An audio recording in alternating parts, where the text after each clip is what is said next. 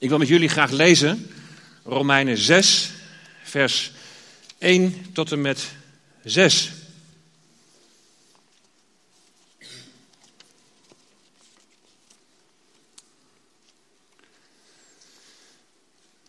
Wat zullen wij dan zeggen?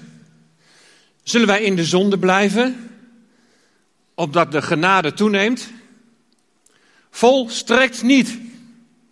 Hoe zullen wij, die met betrekking tot de zonde gestorven zijn, nog daarin leven? Of weet u niet dat wij allen die in Christus Jezus gedoopt zijn, in zijn dood gedoopt zijn? Wij zijn dan met hem begraven door de doop in de dood, opdat de heerlijkheid van de Vader, zo ook wij in nieuwheid van leven zouden wandelen. Want als wij met Hem één plant zijn geworden, gelijk gemaakt aan Hem in zijn dood, dan zullen we ook aan Hem gelijk zijn in zijn opstanding. Dit weten wij toch, dat onze oude mens met Hem gekruisigd is, opdat het lichaam van de zonde teniet gedaan zou worden. En wij niet meer als slaaf de zonde zouden dienen. Tot zover de schriftlezing. Ik heb het idee dat ik een beetje galm.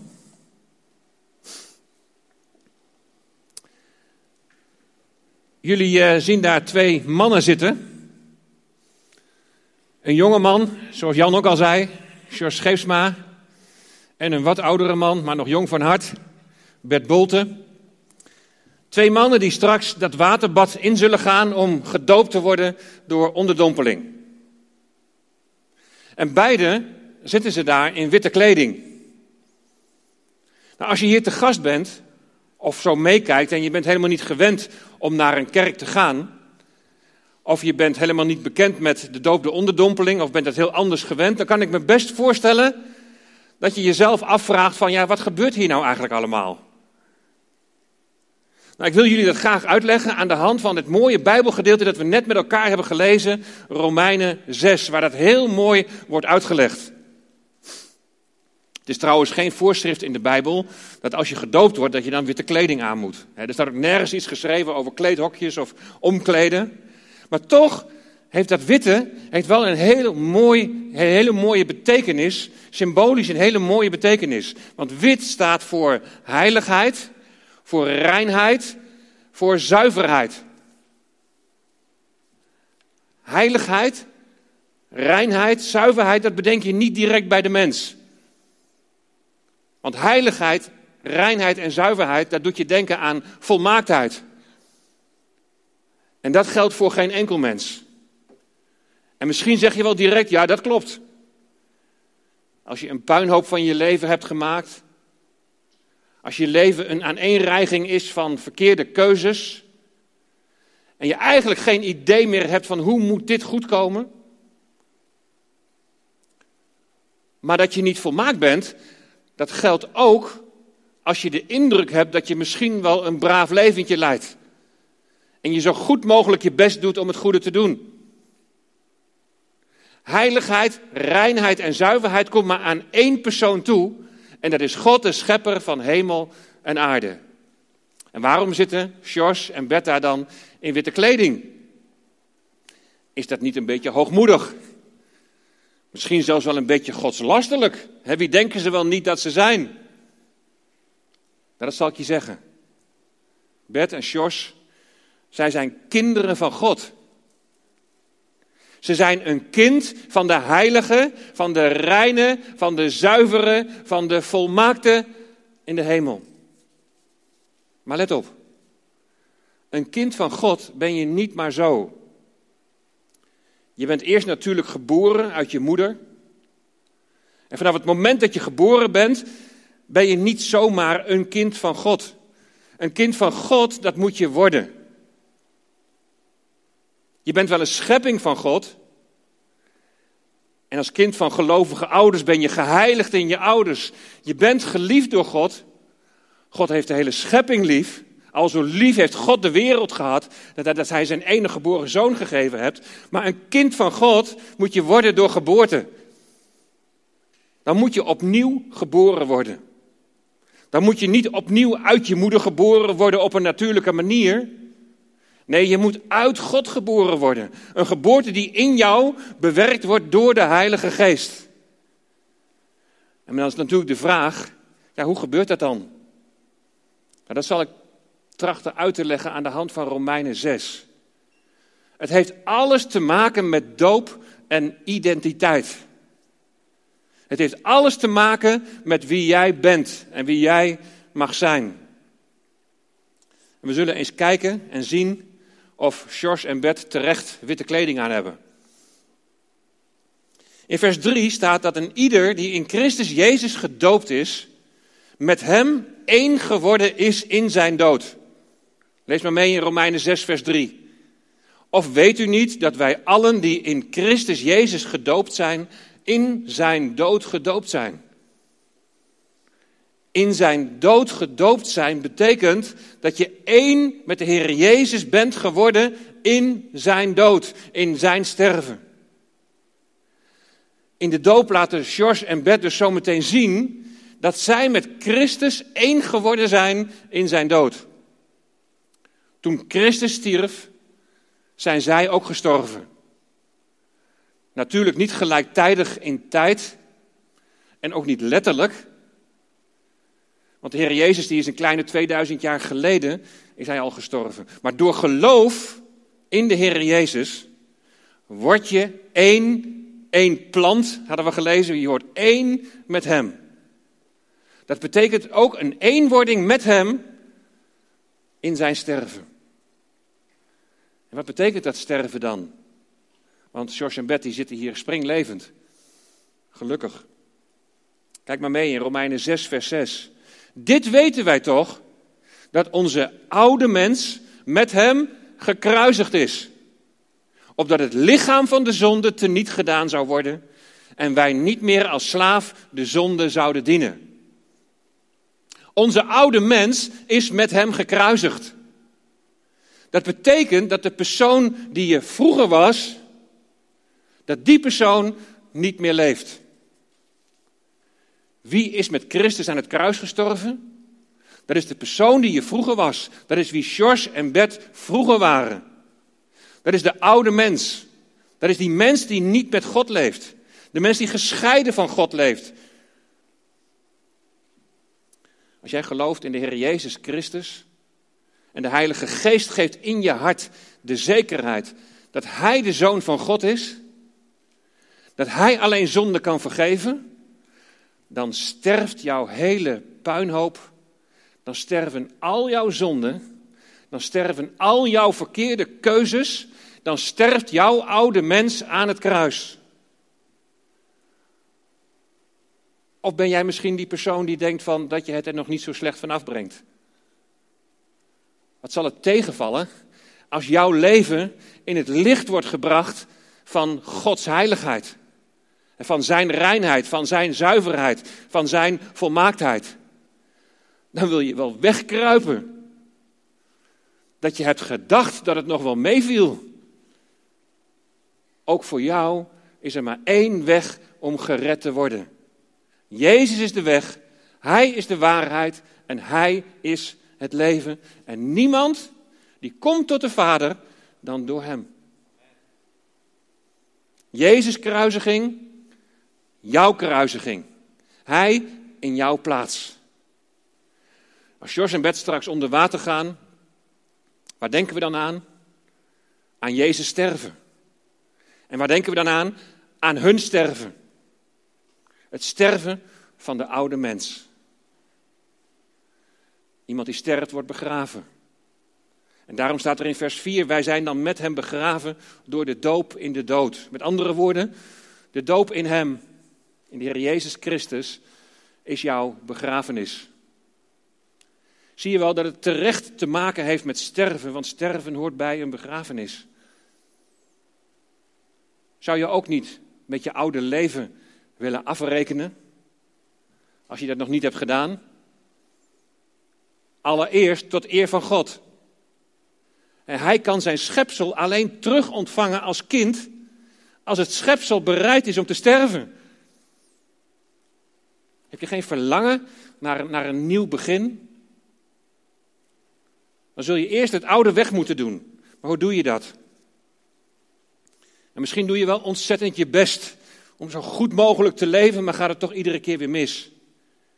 Weet je, Bert en Sjors, zij laten zich niet dopen omdat ze ontzettend hun best hebben gedaan en het nu wel aardig lukt om Gods wil te doen. Nee, wat zij hebben gezien is, het gaat niet lukken. Het gaat mij niet lukken. Ik ga het niet redden. Ik kan mezelf niet tot een beter mens maken die vanuit zichzelf volmaakt kan worden. Die mens, die moet sterven. Opdat God er iets nieuws van kan maken. Door geloof in de Heer Jezus wordt in de eenwording met Hem, en dat betekent ook één met Zijn kruisiging, wordt jouw oude leven gedood en begraven. Het oude is voorbij. Dat is het ene kant van de doop. Er is ook nog een andere kant. Maar voordat ik daarbij stilsta, heel kort even iets over identiteit. Het thema voor vanmorgen is doop en identiteit. Wat heeft dat met elkaar te maken? Identiteit betekent wie je bent. Wie ben jij en, en hoe kijk je naar jezelf? Ik kom regelmatig mensen tegen en uh, Jos die getuigde daar vanmorgen ook van. Ik kom regelmatig mensen tegen die, die niet zo'n best beeld van zichzelf hebben. Aan de ene kant snap ik dat en aan de ene kant, klinkt misschien even raar, maar aan de ene kant zit daar ook iets goeds in. Want als jij jouw leven afzet tegen Gods heiligheid, zijn reinheid, zijn zuiverheid, zijn volmaaktheid, dan is het negatieve beeld dat je van jezelf hebt, is terecht. Maar er zijn ook mensen die zo'n negatief beeld van zichzelf zo vertalen dat zij denken dat ze voor Gods liefde niet in aanmerking komen. Ik ben niet goed genoeg. Je hebt een puinhoop van je leven gemaakt, alles gaat steeds weer fout, je faalt, je stelt mensen teleur. Of je negatieve beeld komt, komt voort bijvoorbeeld vanuit het feit dat in je jeugd jou steeds is ingeprent van dat het met jou nooit goed zal komen. Of er is je steeds ingeprent dat jij het niet kunt. Of je broertje of je zusje, die kunnen het veel beter. Je hoort er eigenlijk, voor je gevoel hoor je er niet helemaal bij. En je hangt er maar een beetje bij aan. Of je voldoet niet aan de verwachtingen van je omgeving. En op deze manier kan zomaar het idee ontstaan dat God ook niets van jou wil weten. Omdat je nooit aan zijn verwachtingen kunt voldoen. Maar wat zijn zijn verwachtingen dan? Rekent hij jou af op jouw tekortkomingen? Rekent hij jou af op wat je niet zo goed kunt? Verwacht hij dat je vanaf vandaag net zo volmaakt bent als hem? Ben je dan pas acceptabel voor hem? Als je zelf tot volmaaktheid zou kunnen komen, dan had hij zijn zoon niet hoeven te, zenden. Dan had de Heer Jezus die vreselijke kruisdood niet hoeven te sterven. Jezus vraagt maar één ding van jou. En dat is, sterf. Zeg eerlijk tegen God dat jij het niet kunt. Zeg eerlijk tegen God dat je vergeving van zonde nodig hebt. Zeg tegen God dat je gelooft dat de Heer Jezus voor jouw zonde aan het kruis is gestorven. Dat is sterven. En weet je hoe God dan naar jou kijkt? Laat jouw identiteit, wie je bent, laat het niet bepalen door wat jij allemaal kunt en wat je allemaal presteert. Of tegenovergesteld wat je, wat je niet kunt allemaal. Maar laat jouw identiteit bepalen door hoe de Heere God naar jou kijkt. Als jij sterft in die zin dat je je leven overgeeft in handen van de Heer Jezus, dan ziet de Heere God ziet jou aan in zijn Zoon. Als God bij de doop van de Heer Jezus zegt: Dit is mijn zoon, mijn geliefde, in wie ik een welbehagen heb, in wie ik vreugde vind, dan zegt hij dat na jouw sterven ook tegen jou. Want hij ziet, hij ziet jou aan in zijn zoon. En dan mag je Gods overstromende liefde mag je toelaten. Hij ziet jou aan in zijn zoon, die al jouw zonden, die puinhoop van jouw leven aan het kruis heeft gedragen. In zijn zoon ziet hij jou heilig, rein, zuiver en volmaakt. Dat is een wonder. En daarom dragen Sjors en Bet terecht witte kleding. Even voor de duidelijkheid een plaatje. Hier zie je eerst dat God en de mens gescheiden zijn. Die grijze balk, die staat voor jouw zonde. Die scheiding maken tussen jou en God. God, Vader, Zoon, Heilige Geest. De mens bestaat uit geest, ziel en lichaam. En de geest is waar je contact met God kunt hebben. Maar je ziet hier dat door de zonde dat jouw geest nog verduisterd is. Jouw ziel is je hele zijn. En jouw hele zijn wordt bepaald en aangestuurd door je wil, door je gevoel en door je verstand. Nou, en jouw lichaam, dat is duidelijk. Dat is hetgeen wat van jou zichtbaar is. Wat gebeurt er nou op het moment dat je sterft? Wat gebeurt er nou op het moment dat God aan jouw hart bevestigt dat Jezus de Messias is? Dat Hij de enige weg tot redding is? Wat gebeurt er op het moment dat jij antwoordt en zegt: Heer, hier ben ik. Vergeef mij. Red mij. Je ziet nu, in plaats van die balk van zonde, het kruis. Jezus sterven aan het kruis herstelt jouw relatie met God. Als je gelooft in Jezus Christus en als jij jouw vertrouwen op Hem stelt en je weet en gelooft dat Hij alleen jouw zonde kan vergeven, wat gebeurt er dan? Precies wat daar staat. Laat nog maar even een keer terugzien als het kan. Dan gaat Gods geest met jouw geest getuigen dat je een kind van God bent. Gods geest en jouw geest komen samen. En God bevestigt in jouw hart dat Jezus Heer is. Dat Hij voor jouw zonden is gestorven. Zijn geest één met jouw geest. En in jouw geest, die dan verlicht is door de Heilige Geest, daar ben je heilig. En ruin, rein en zuiver en volmaakt. En dan wordt jouw identiteit niet langer bepaald door jouw prestaties of door je tekortkomingen. Het wordt niet bepaald door wat mensen van jou vinden. Maar jouw identiteit is dan gelegen in Christus. Ja, maar morgen dan maak ik misschien toch wel weer een fout. Dan laat ik me misschien toch even weer gaan of ik stel mensen teleur. Ho, niet, niet te snel. Wil jij je vereenzelvigen met Jezus' kruisiging? Wil je je vertrouwen stellen op Hem? Wil je dat er afgerekend gaat worden met jouw oude leven? Wil je ook kunnen zeggen: het oude is voorbij? En laat je dat dan vervolgens zien in de doop. Want daar laat je zien dat je oude mens is gestorven en begraven. Maar dan nu het vervolg. Het blijft bij de Heer Jezus, niet bij zijn dood en begrafenis. En het blijft ook niet bij jouw dood en begrafenis. De dood heeft niet het laatste woord. Het kruis dat bepaalt je bij de noodzaak om te sterven en je oude zondige leven achter je te laten, maar er is een weg na het kruis. En dat hebben we onlangs nog gezien toen we Pasen vierden. De Heer Jezus is opgestaan en hij leeft. Wij die in hem geloven, kijk maar in vers 5, die zijn niet alleen één geworden met zijn dood, maar we zijn ook één geworden met zijn opstanding. Romeinen 6, vers 5. Want als wij met hem één plant zijn geworden, gelijk gemaakt aan hem in zijn dood, dan zullen we ook aan hem gelijk zijn in zijn opstanding. Delen in zijn dood en opstanding, dat betekent opnieuw geboren zijn. De Heilige Geest bewerkt in jou dat je een nieuwe schepping wordt. Delen in zijn opstanding betekent dat je eeuwig leven ontvangt. Let op, ik heb het niet over jouw dood als je je laatste adem uitblaast en dat je daarna eeuwig leeft. Dat is, dat is zo. Maar het gaat over het hier en nu. Met Hem gestorven nu.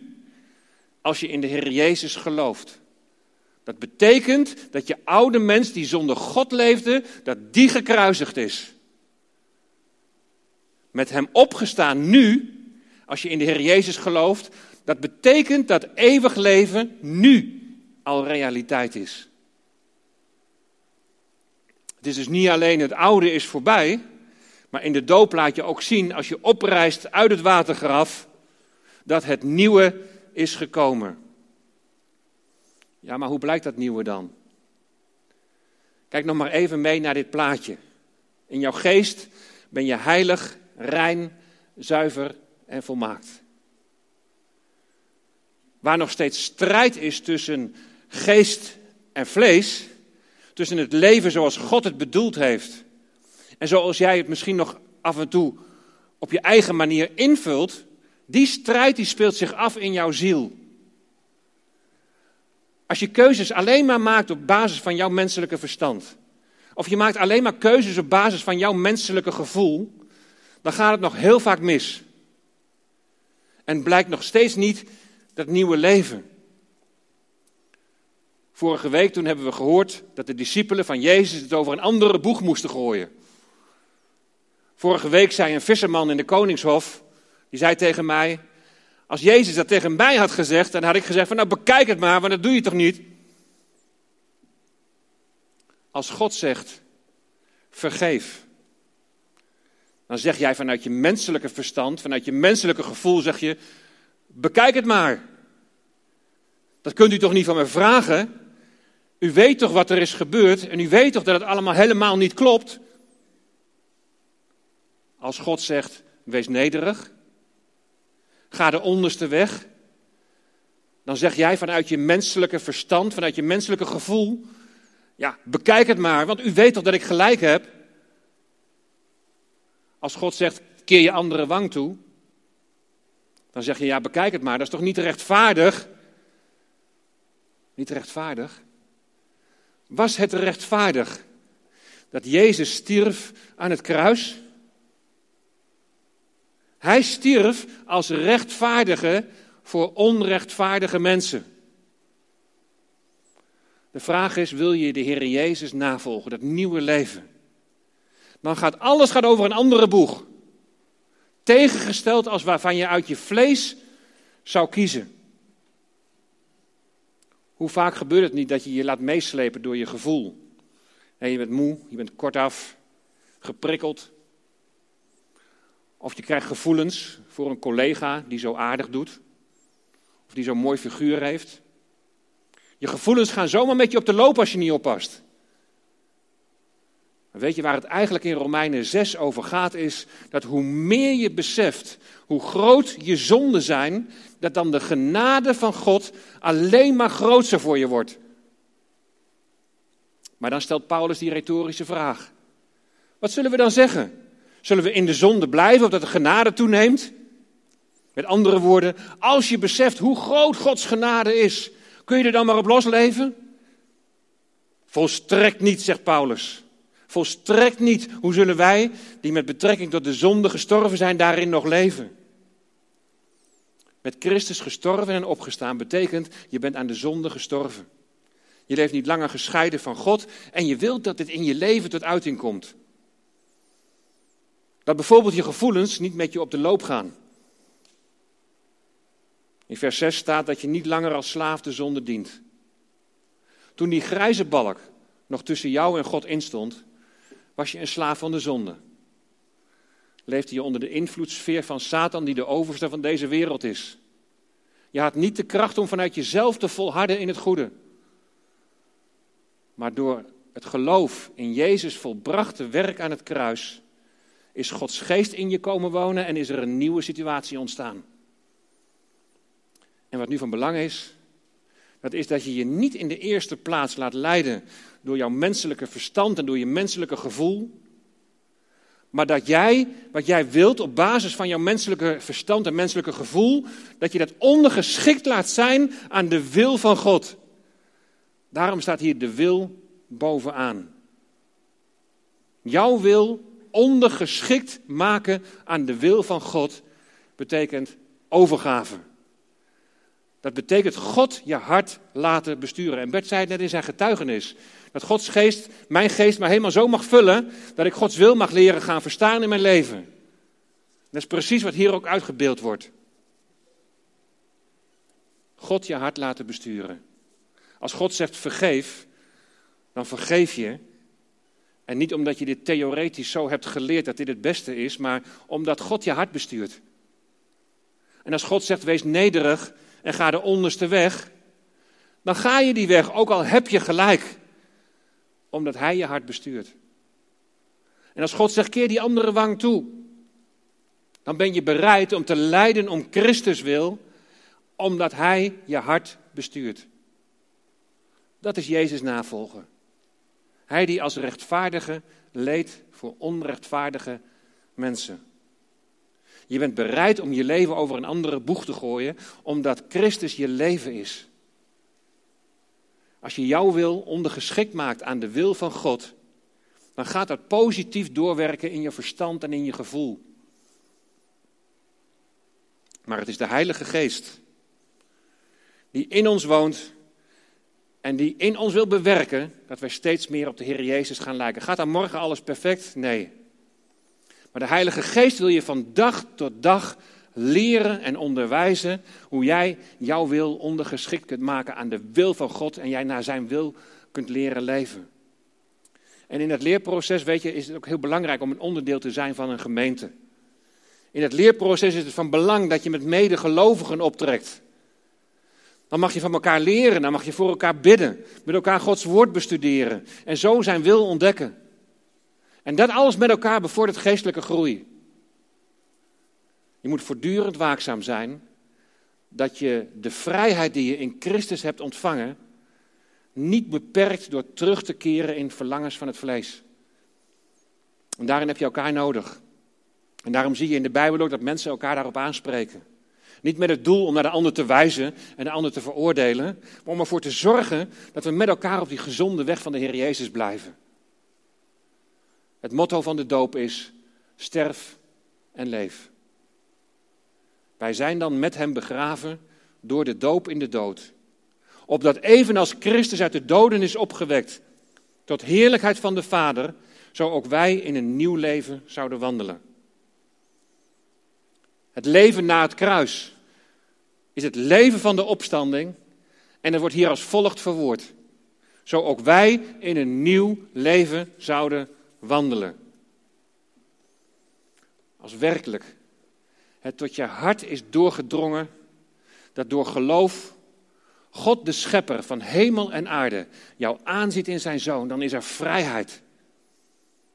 Dan is er het verlangen om jouw wil ondergeschikt te maken aan de wil van God. Dan wordt dat nieuwe leven zichtbaar. Niet vanuit eigen kracht, maar door Gods geest.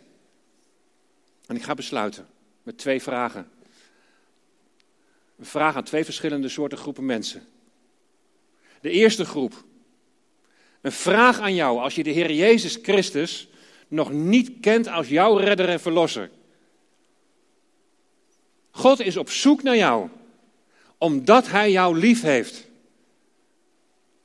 Johannes 3, vers 16, ik heb het al aangehaald. Al zo lief heeft God de wereld gehad.